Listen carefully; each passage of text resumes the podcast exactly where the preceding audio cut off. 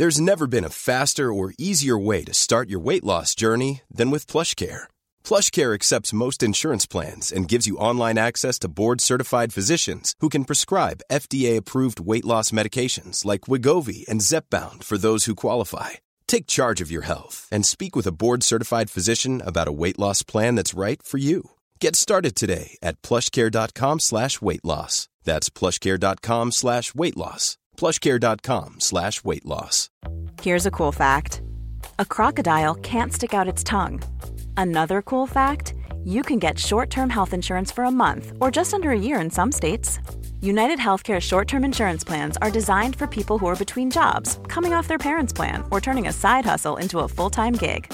Underwritten by Golden Rule Insurance Company, they offer flexible, budget-friendly coverage with access to a nationwide network of doctors and hospitals. Get more cool facts about United Healthcare short-term plans at uh1.com.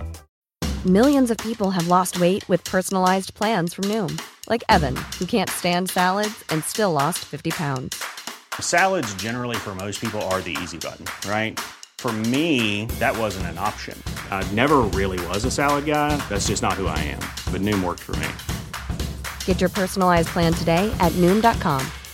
Real Noom user compensated to provide their story. In four weeks, the typical Noom user can expect to lose one to two pounds per week. Individual results may vary. Palmemordet, vittnet Lars, del 7. Sveriges statsminister Olof Palme är död. 90 000. Ja, det är mord på Sveavägen. Hörde de säger att det är Palme som är skjuten. Mordvapnet med säkerhet är en Smith Wesson, en revolver kaliber .357. Inte ett svar. Det finns inte ett svar.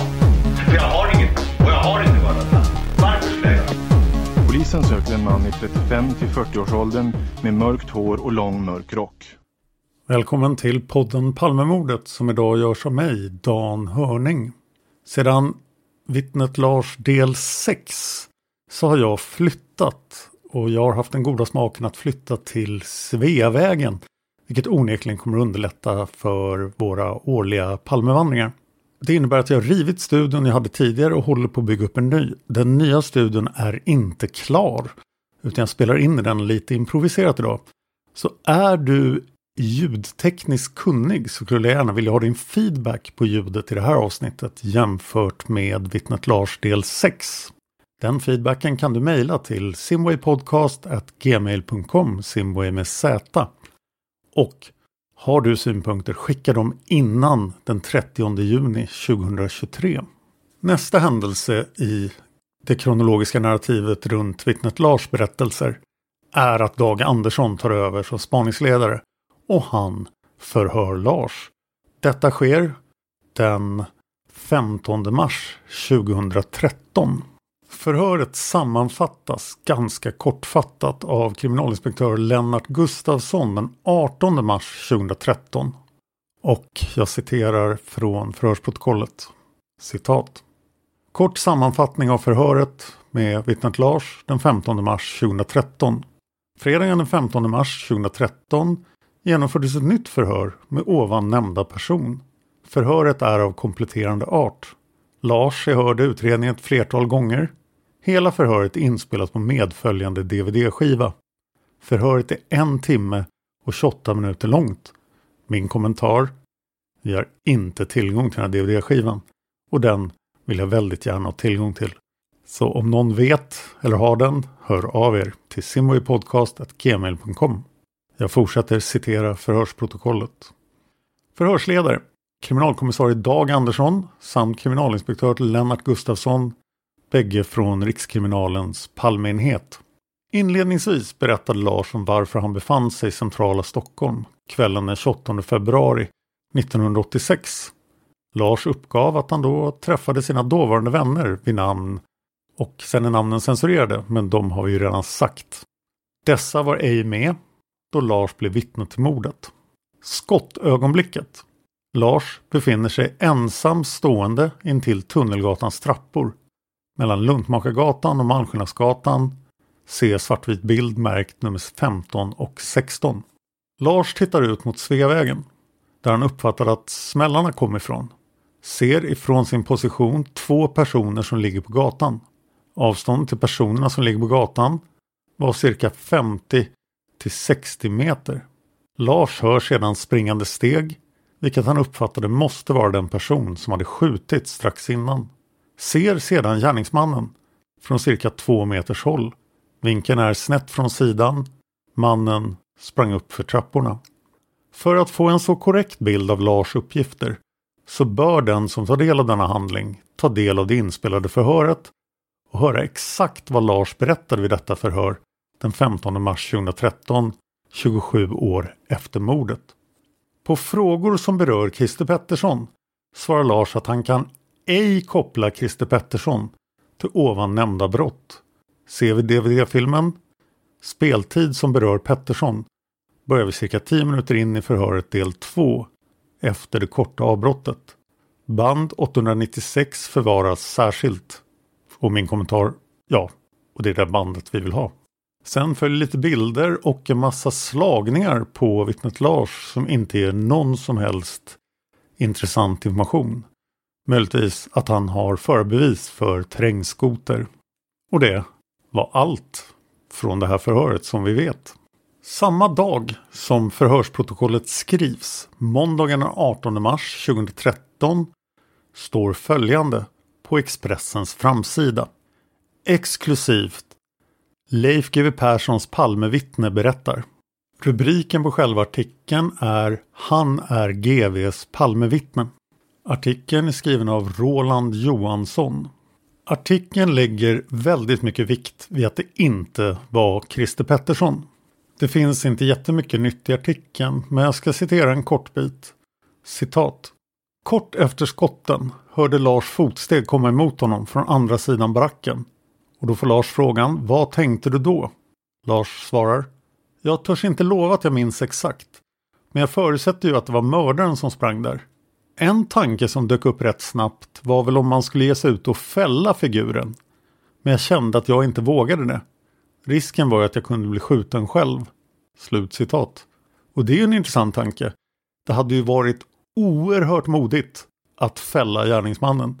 Och det hade ju förmodligen fungerat. Gärningsmannen hade nog inte väntat sig det. Men vad som hade hänt sen är ju en öppen fråga. Och jag tror väldigt få personer skulle våga göra det. Senare i artikeln, citat.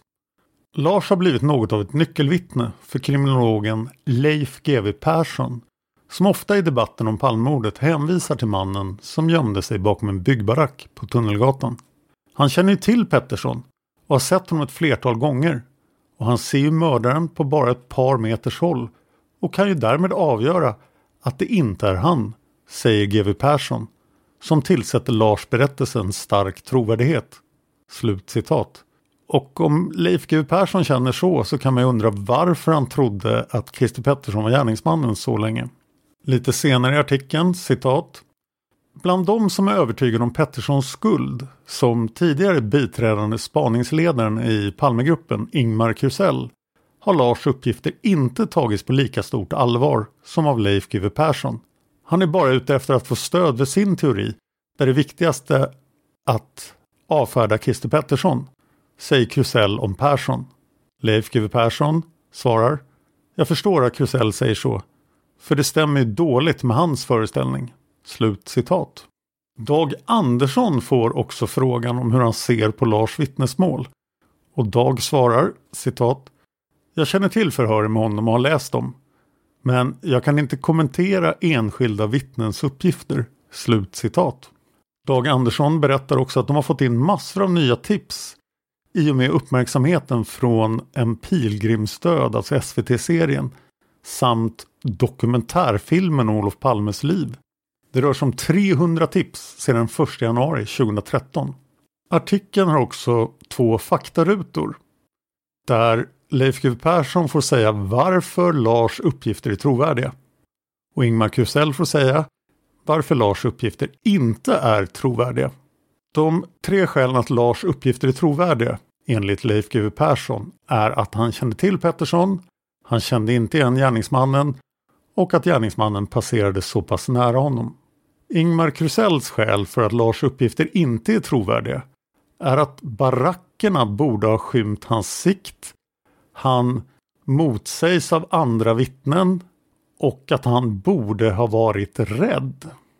Och min kommentar där är att vi ju mycket väl nu vet exakt hur skymd hans sikt var och att den inte ändrar hans vittnesmål. De andra vittnena som ska motsäga Lars uppgifter ska jag citera artikeln, citat. Enligt Krusell finns andra vittnen som sett Lars komma upp för trapporna till Malmskillnadsgatan men betydligt senare än han själv ska ha gjort gällande. Det bör ha varit minst 70 meter mellan honom och gärningsmannen och han kan bara sett ryggen, säger Krusell. Slut citat. Det måste ju röra Yvonne och Ahmed och de vet ju inte vad klockan är. Så att det låter ju otroligt märkligt. Det finns ju vid det här laget 2013 ganska många argument för att Lars skulle ha känt igen Christer Pettersson. Nu faller Lars återigen i glömska och kan gå vidare med sitt liv. När jag började podda i slutet av 2015 så var Lars fortfarande väldigt intresserad av att vara anonym. Men det visade sig vara väldigt svårt. Det kan man se till exempel på IT-demokrati. Men sen är det någon annan som intresserar sig för Palmemordet. Och det är förstås Thomas Pettersson. Thomas, som ju har varit gäst här i podden flera gånger, intresserar sig 2017 väldigt mycket för Stig Engström som gärningsmannen och är på väg att skriva sin artikel i Filter och sin bok Den osannolika mördaren. Och jag citerar nu från Den osannolika mördaren sid 73. Citat. Till detta fogades alltså påståendet att Stig Engström och Lars kände varandra sedan tidigare med den underförstådda andemeningen att de kunde ha stämt träff. Det kunde i så fall både förklara varför Engström totat ihop en så felaktig berättelse och lösa utredarnas bekymmer med Lars. Honom blev man nämligen heller inte riktigt klok på. Till skillnad från de flesta andra vittnena stod Lars fast vid sin historia oavsett hur många gånger han hördes. Om mördaren framkom inga nya detaljer. Han hade sett en bred ryggtavla bara och något som såg ut som en keps. När Lars pressades betonade han istället hur osäker han var.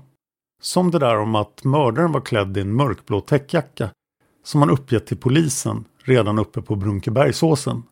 Det var kanske en överdrift. Egentligen var Lars bara säker på att mördaren hade burit ett mörkt klädesplagg. Att de där vana utredarna störde sig på denna försynta särling som efter att ha tagit ett glas portvin med några vänner spankulerat på en mörk bakgata innan han tagit paus bakom en byggbarack medan han funderade på att gå på nattbio påverkade förhören. Under dessa uppmanades Lars att svara på alla möjliga ovidkommande frågor som vad han hade haft i sin väska eller varför han hade varit ensam. Att han skulle ha känt Engström eller vara homosexuell var fria spekulationer. Så där har det varit för mig genom åren, säger Lars. Jag är den sortens person folk påstår saker om, men det är alltid människor som inte känner mig. Det var verkligen ett problem för utredarna att Stig Engström så tydligt och så tidigt som dagen efter mordet hade pekat ut Lars på rätt tid och rätt plats. Det gjorde att han inte kunde avfärdas som mytoman. Något måste han ha gjort på brottsplatsen. Något som han uppenbarligen inte ville prata om eftersom han ljög så mycket. Antagandet Engström kände Lars fick därför fäste i korridorerna på polishuset. Framförallt Erik Skoglund, den kriminalkommissarie som fick utredning om Skandiamannen i knät när Ane Irvell gick i pension, förde fram det som en sanning. Slut citat från den osannolika mördaren. Det blir 2018 och Thomas Petterssons bok Den osannolika mördaren släpps. Samma dag som den släpps släpper även Expressen en artikel. Den är publicerad den 31 augusti 2018 och den är skriven av Claes Petersson. Jag har inga uppgifter om att han ska vara släkt med åklagaren. Rubriken är något överraskande och visar att det har hänt en hel del här.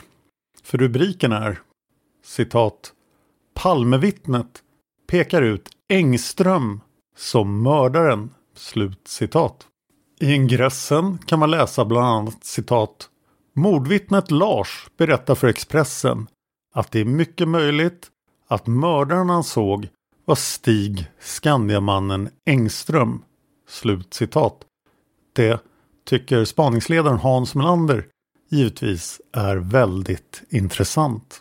En liten bit in i artikeln står det citat Han pekar nu ut den så kallade Skandiamannen Stig Engström som den person han troligen såg fly efter mordet. Stig Engström blev aktuell i våras när tidningen Filter avslöjade honom som Palmegruppens nya huvudspår i utredningen. Idag släpps också journalisten Thomas Petterssons fördjupande bok den osannolika mördaren där Engström presenteras som Olof Palmes sannolika mördare. Slut citat. Lars säger följande i artikeln citat. Wow! Nice! Yeah! What you're hearing are the sounds of people everywhere putting on Bombas socks, underwear, and t-shirts made from absurdly soft materials that feel like plush clouds. Yeah, that plush. And the best part? For every item you purchase, Bombas donates another to someone facing homelessness. Bombas. Big comfort for everyone. Go to bombas.com slash ACAST and use code ACAST for 20% off your first purchase. That's bombas.com slash ACAST. Code ACAST. One size fits all seems like a good idea for clothes until you try them on. Same goes for healthcare. That's why United Healthcare offers flexible, budget friendly coverage for medical, vision, dental, and more. Learn more at uh1.com.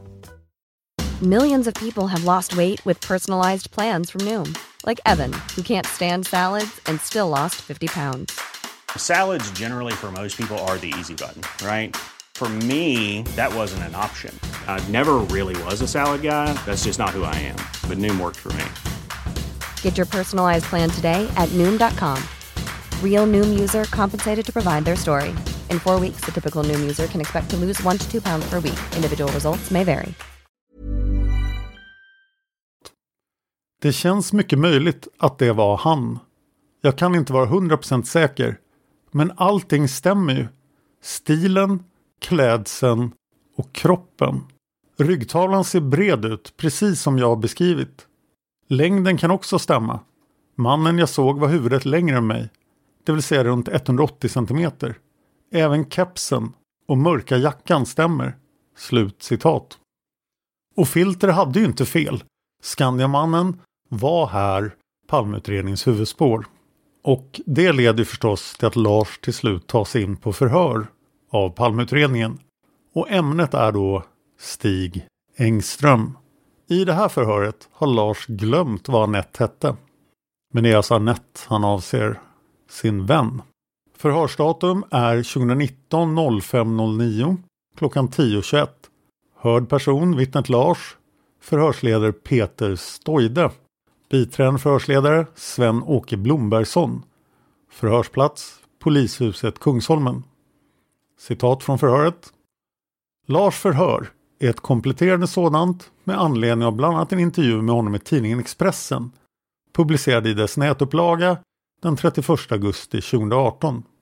Lars ombeds initialt berätta om hur hans relation till Stig Engström, den så kallade Skandiamannen, ser, såg ut och han svarar då att de inte hade någon relation till varandra.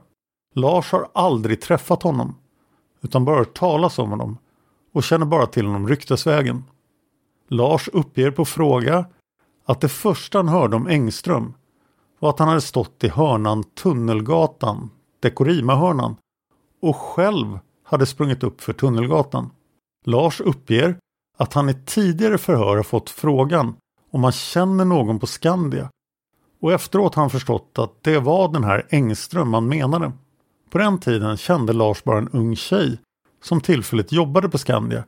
Tjejen hette Annette i förnamn men Lars minns inte efternamnet.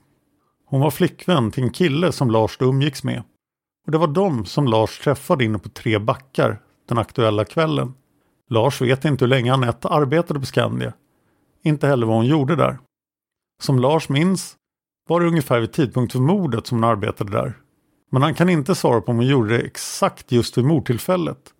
Eller om det var innan. Eller efter. Lars uppger vidare att han för några år sedan träffade en journalist från Göteborg som skulle skriva en bok om sina teorier. Journalisten är övertygad om att det var Engström som är skyldig och har frågat Lars om vad han tycker.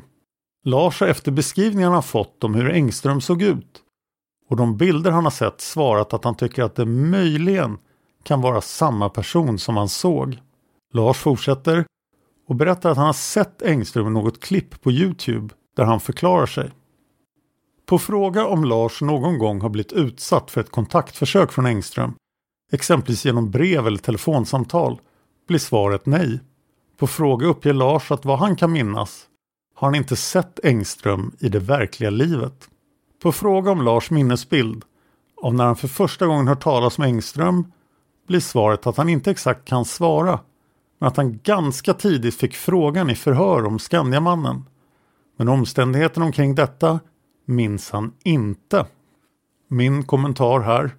Vi har inte sett några sådana uppgifter under den här serien. Och det innebär alltså att det finns fler förhör med Lars som kanske inte har dokumenterats ordentligt. Jag fortsätter citera protokollet. Här kommer det komma in en journalist och eh, jag misstänker starkt att det är Lars Borgnäs. Citat protokollet. På fråga om Lars kan minnas att han pratat med någon bekant om Skandiamannen blir svaret att journalisten Censur ibland har tagit upp det i samband med sina frågor. Men annars har inte Lars pratat med någon bekant om honom. Censur brukar ibland vilja träffa Lars och prata. Censur har sagt att han tror att Engström kan ha sprungit in på Tunnelgatan utan att vara mördaren. Censur har sagt att han tror att det är två stycken som springer, varav Engström är den ena. Lars tillfrågas om han känner igen ett namn, vilket han överhuvudtaget inte gör. Lars uppger att det dock inte alltid är så att han minns namnet på folk som han kan ha träffat och hälsat på. Men han har inte haft någon bekant vid det namnet. Lars informeras om att Stig Engström för polisen har uppgivit att han har träffat en person arbetandes på Skandia som sagt sig vara bekant med Lars. Lars tänker efter och säger sedan att han inte alls känner igen detta. Lars funderar på om det kan vara så att han flyktigt har mött någon och presenterat sig för, men inte lagt personen på minnet. Men någon bekant är det inte. På fråga om när Lars kan dra sig till minnes att första gången var då han såg en bild på Engström uppger han att det var för några år sedan. Lars hade innan börjat talas med Engström och blev nyfiken och sökte upp honom på Youtube. På frågan uppger Lars att hans intresse för tidningar och tv 1986 var måttligt. Han prenumererade inte på någon tidning men kunde bläddra lite i en tidning från DN eller Svenska Dagbladet om han var hemma hos någon som hade en sådan liggande. Lars tittade på Aktuellt och Rapport och försökte hänga med lite om Palmemordet. Första gången som Lars minns att han såg Engström på bild var när han själv för några år sedan sökte upp honom på nätet. Lars minns inte om det var en bild eller om det var filmen på Youtube som han såg först. Han har sett någon ansiktsbild och filmsnutten som är en intervju där Engström står på Tunnelgatan och pekar och förklarar sin version. På fråga om minnesbild av vad han tänkte när han såg den aktuella filmsekvensen blir svaret att han inte kommer ihåg mer än att han fick ett ansikte på en person som han bara hade hört talas om. På fråga om det är någon som har bett Lars att titta på filmen eller förevisat någon bild föreställande Engström uppger han att ingen har visat någon film utan den fick han bara höra talas om att den fanns med möjligen någon bild. Dock minns han inte var eller när. På fråga om Lars kan minnas att han vid något tillfälle blivit intervjuad om sin syn på Skandiamannen blir svaret att det är en fråga som har dykt upp vid spridda tillfällen och då främst av censur och journalisten i Göteborg som skulle skriva boken. Min kommentar är då Lars Borgnäs och Thomas Pettersson. Jag fortsätter citera protokollet, citat. Lars informeras om att det finns en tidningsartikel från Expressen augusti 2018 och tillfrågas om det är något han känner till. Lars uppger att det känner han igen. Det var en journalist som hade kontakt med censur som ringde upp honom. Lars träffade sedan journalisten på ett fik på Klarabergsgatan. På fråga om Lars minns om han fick se någon bild och vad han i så fall sa blir svaret att det är möjligt att han tittade på bilder. Journalisten frågade om vad Lars tyckte om Engström och han svarade honom samma sak som han sagt till censur, att det var möjligt. Det Lars hänger upp svaret på är det han har fått till sig om hur Engström rör sig, hur hans ryggtavla ser ut och det känns som att det skulle kunna stämma in. Lars informeras om att förhörsledarna har sett en filmsekvens där Engström ses springa in på Tunnelgatan. Och han tillfrågas om det är samma som han själv uppger sig ha sett. Varpå svaret blir att det nog är samma, men det var ett tag sedan han såg den. På fråga om det stämmer det som journalisten skriver och det Lars nu säger, att det är möjligt att det skulle kunna vara Engström som överensstämmer med den minnesbild han har av personen han såg, blir svaret ja. Lars uppger att det lilla han sett av Engström och det han har fått beskrivet för sig så skulle det möjligen kunna vara han. Och det är det längsta Lars idag kan sträcka sig till att säga. Lars tillfrågas om han vid något tillfälle då han har sett bilder eller filmsekvens på Engström har dragit sig till minnes att han under kvällen för mordet, antingen före eller efter, sett den personen någonstans i anslutning till mordplatsen. Och hans svar blir nej. Han fortsätter och säger att han har funderat på det. Men inte någon som han varken före eller efter har lagt märke till. Under de första åren försökte Lars ransaka sig själv om han kunde komma ihåg eller beskriva bättre. Men det har inte gått. Utan han har så gott han har kunnat försökt beskriva i de tidigare förhören. Förhörsledaren förtydligar med att uppge att det inte är den springande mannen som avses. Utan om Lars vid något tillfälle då han sett Engström på bild har dragit sig till minnes att han sett honom på annan plats under den aktuella kvällen. Varpå svaret åter blir ett nej. På fråga om Lars har något minne av andra personer som han vet att han såg på platsen blir svaret att det inte är några som han vare sig innan eller efter har sett. Lars tillfrågas om han minns paret som han mötte efter att han hade sprungit efter den springande mannen. Varpå han svarar att han minns kvinnan som mörkhårig och att han såg utländsk ut. Lars fortsätter och berättar att när han stod uppe på krönet på Malmskillnadsgatan tyckte han sig se en rörelse bakom en bil på trottoarsidan. Det var en hastig rörelse. Så i efterhand blev Lars ganska osäker på om han hade sett rätt.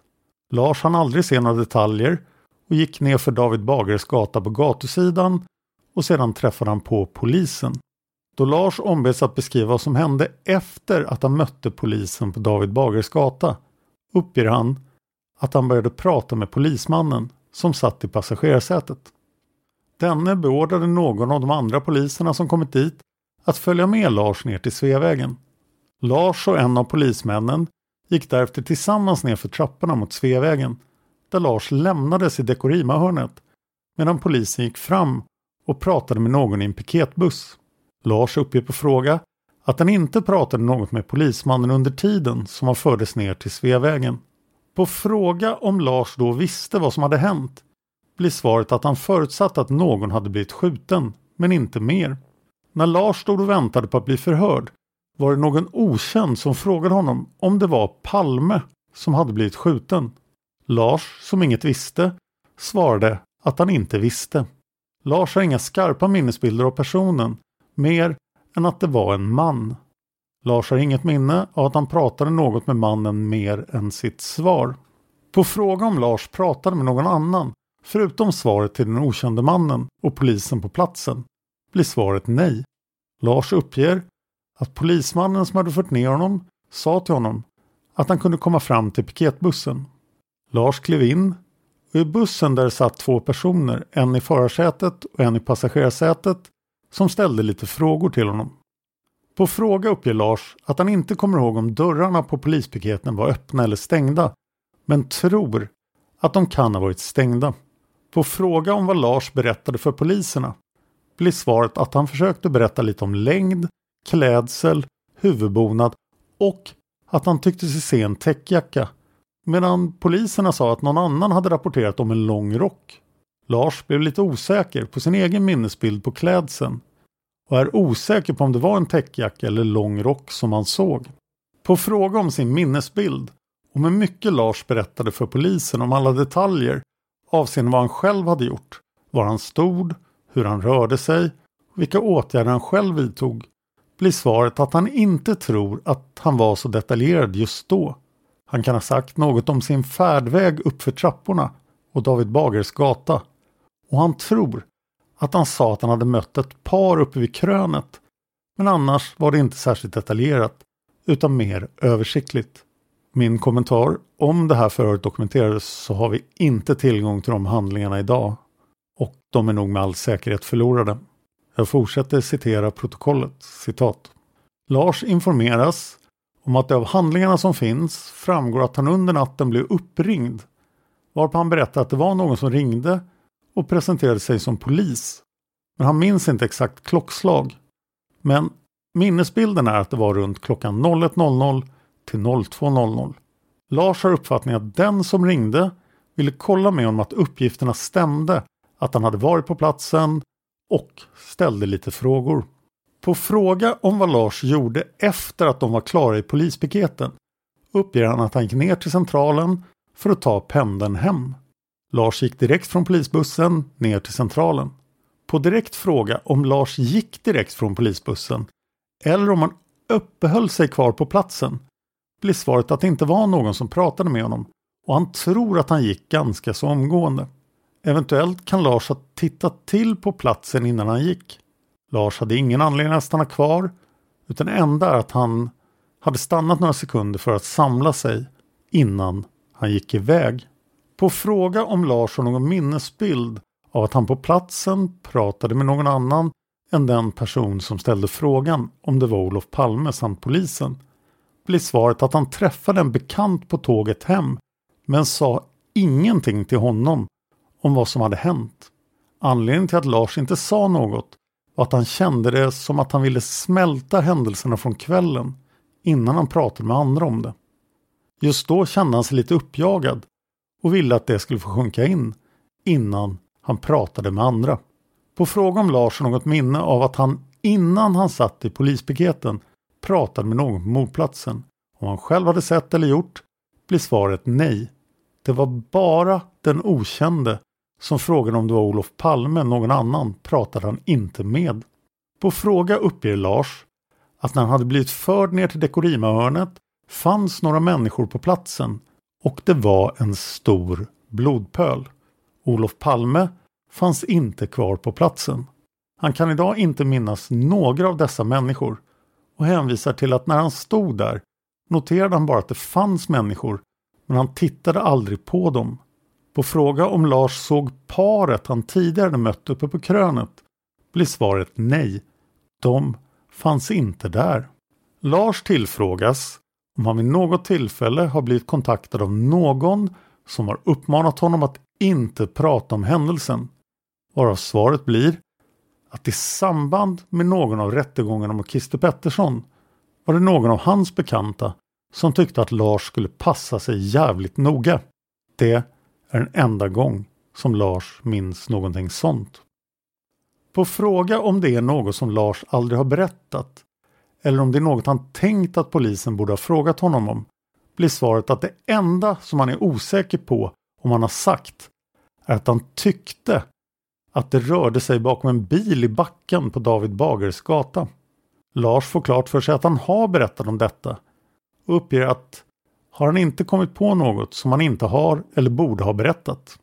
På fråga om det finns någon annan anledning till att han befann sig vid byggbaracken än den han uppgivit till polisen blir svaret nej. Lars har försökt vara uppriktig på den punkten, likväl som på alla andra punkter under hela kvällen.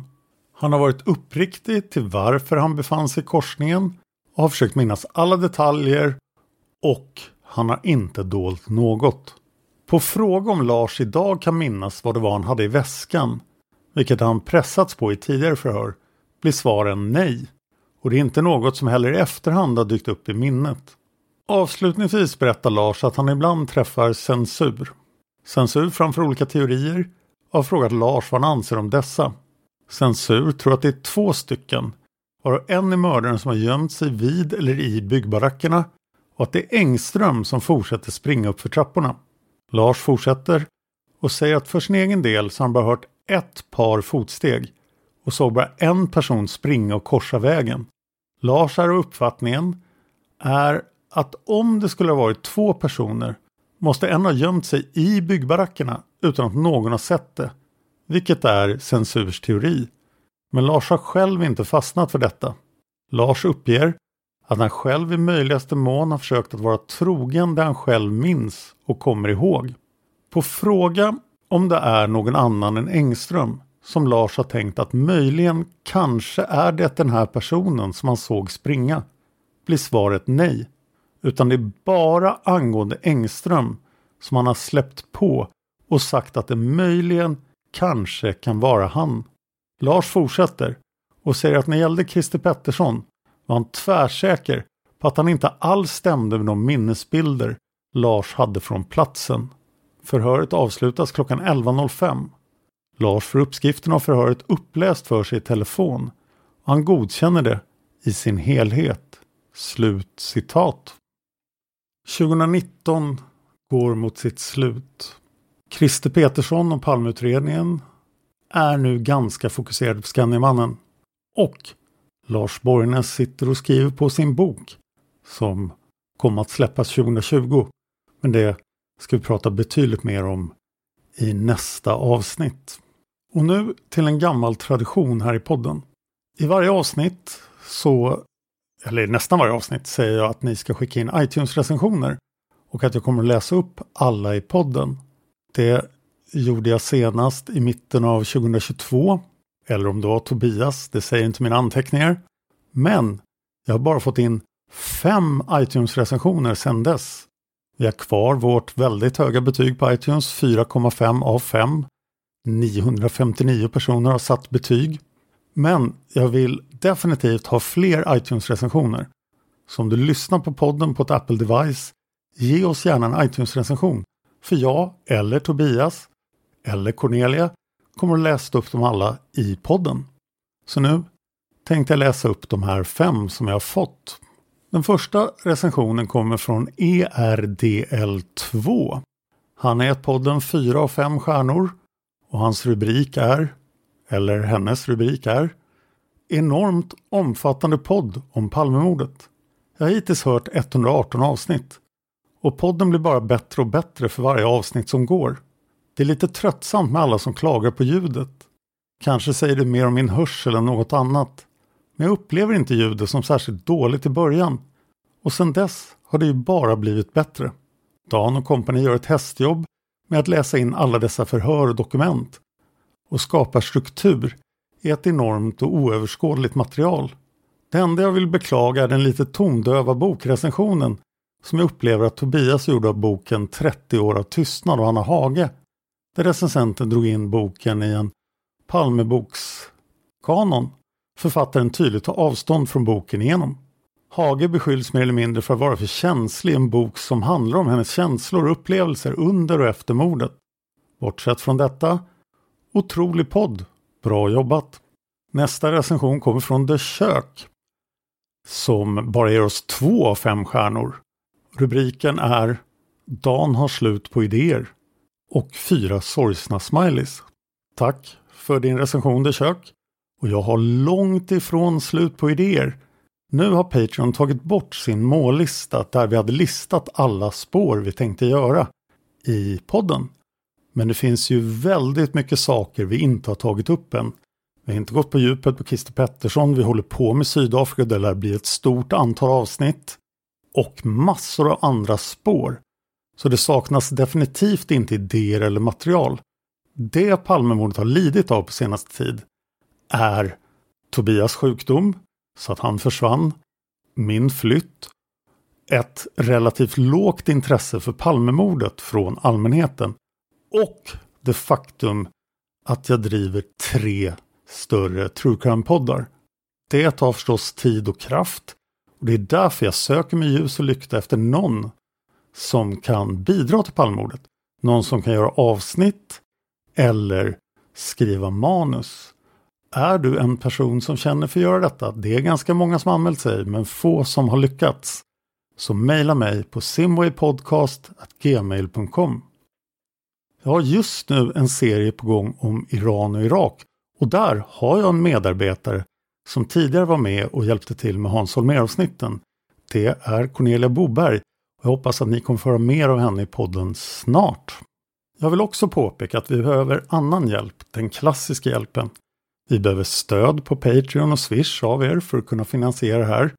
Och gick podden något bättre kunde Tobias jobba mindre med det som har påverkat honom så just nu. Dessutom behöver jag hjälp att sprida podden så tipsa gärna era vänner och bekanta om podden och speciellt om era favoritavsnitt. Nästa recension kommer från T-Stolle som ger oss fem stjärnor. Rubriken Överlägset bäst. T-Stolle säger Bästa podden om du är intresserad på djupet av mordet på Sveriges statsminister 1986. Bäst i klassen undersöker varje atom i mikroskop. Bäst helt enkelt. Tack så mycket T-Stolle och alla andra som har skickat in iTunes-recensioner. Planning for your next trip? Elevate your travel style with Quince. Quince has all the jet-setting essentials you'll want for your next getaway, like European linen, premium luggage options, buttery soft Italian leather bags, and so much more. And is all priced at 50 to 80% less than similar brands. Plus, Quince only works with factories that use safe and ethical manufacturing practices. Pack your bags with high-quality essentials you'll be wearing for vacations to come with Quince. Go to quince.com/pack for free shipping and 365-day returns. Nästa recension kommer från Ace Nostres som bara ger oss en av fem stjärnor. Och rubriken är Bland det onödigaste avsnittet som har gjorts. Oacceptabelt dåligt avsnitt. Försöker bara fylla ut ett avsnitt. Riktigt dåligt avsnitt. Nu uppger inte Ej Nostres vilket avsnitt det är. Men jag har tittat i avsnittslistan och sex dag, tre dagar innan den här recensionen kom in så släpptes avsnitt 335 Frågor och svar om podden med underrubriken Tobias svarar på frågor och bemöter kritik. Så jag misstänker att det är det avsnittet som avses. Avsnittet innan var Mordplatsen och kulorna avsnitt 334 och avsnitt 336 var Christer A. GH del 15. Mycket av poddmakande handlar om att skapa community. Att skapa en känsla av gemenskap med lyssnarna. Och därför anser jag att det är viktigt att lyssnarna får komma till tals. Det är bland annat därför jag läser upp iTunes-recensioner. Och sådana här frågor och svaravsnitt om poddar är väldigt vanliga. Kanske inte lika mycket i svenska poddar, men i de amerikanska poddar jag lyssnar på. Jag försöker avsiktligt att inte lyssna på så mycket svenska poddar för att inte låta mig påverkas av dem. Jag kommer från ett amerikanskt podcasting community och jag fortsätter att försöka podda lite amerikanskt för att skilja mig från andra svenska poddare. Så det här med frågor och svar om podden, det kommer vi nog göra avsnitt om igen. Och även andra avsnitt där ni lyssnare får komma till tals. Förutom att skriva iTunes-recensioner är ett annat sätt att få er röst hörd i podden att skicka in saker ni vill att jag ska ta upp i podden på Patreon. Så är du sponsor på Patreon kan du skicka mig ett direkt meddelande och be mig svara på en specifik fråga i podden. Det kan dock inte vara någonting som kräver att vi sätter oss och researchar till exempel ett specifikt Palmemordet-fakta. Eftersom all den lilla tid vi har måste gå till att producera själva avsnitten. Men om du frågar om podden så är de mycket välkomna på Patreon. Den sista recensionen kommer från Bodpedal som ger oss fem stjärnor och säger Bästa podden! Podden som man kan lyssna på om man vill nörda ner sig i palmordet.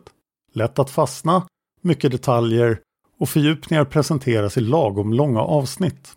Det var alla iTunes-recensioner jag har, men jag vill alltså ha fler, så hör gärna av er. Jag finns personligen på Twitter och Instagram. Jag heter Dan Hörning så är lätt att hitta. Där kan ni följa alla mina poddar, inklusive de tre True Crime-poddar som är större än Palmordet. Det är förstås Seriemördarpodden, Massmördarpodden och Mördarpodden. Mördarpodden kan ni hitta där ni hittar Palmordet. Där kan ni även hitta olösta mord som inte är större än Palmordet. Jag rekommenderar som vanligt Facebookgruppen FUP och övriga handlingar och Palmemordsarkivet.se som gör ett otroligt arbete på att få fram dokument från Palmeutredningen. Det arbetet pågår fortfarande och det är långt ifrån klart. Vill ni diskutera detaljer om Palmemordet? Gör det gärna på Studio Palmemordet på Facebook. Du kan även kontakta Palmemordet på simwaypodcast.gmail.com. Simway med Z står också i avsnittstexten. Tack till Lukas för musiken. Tack till Johan Lundqvist, tidigare känd som Juan Esposito för all hjälp med Lars-avsnitten. Tack till expertgruppen, vår jurist och researchassistenter. Tack till Cornelia och till Tobias. Och till sist, tack till dig för att du lyssnar på Palmemordet. Man hittar Palmes mördare om man följer PKK-spåret till botten. Därför att ända sedan Julius Caesars tid har jag aldrig hört talas om ett mord på en framstående politiker som inte haft politiska skäl. Polisens och åklagarens teori var att han ensam hade skjutit Olof Palme. Och det ledde också till rättegång. Men han frikändes i hovrätten.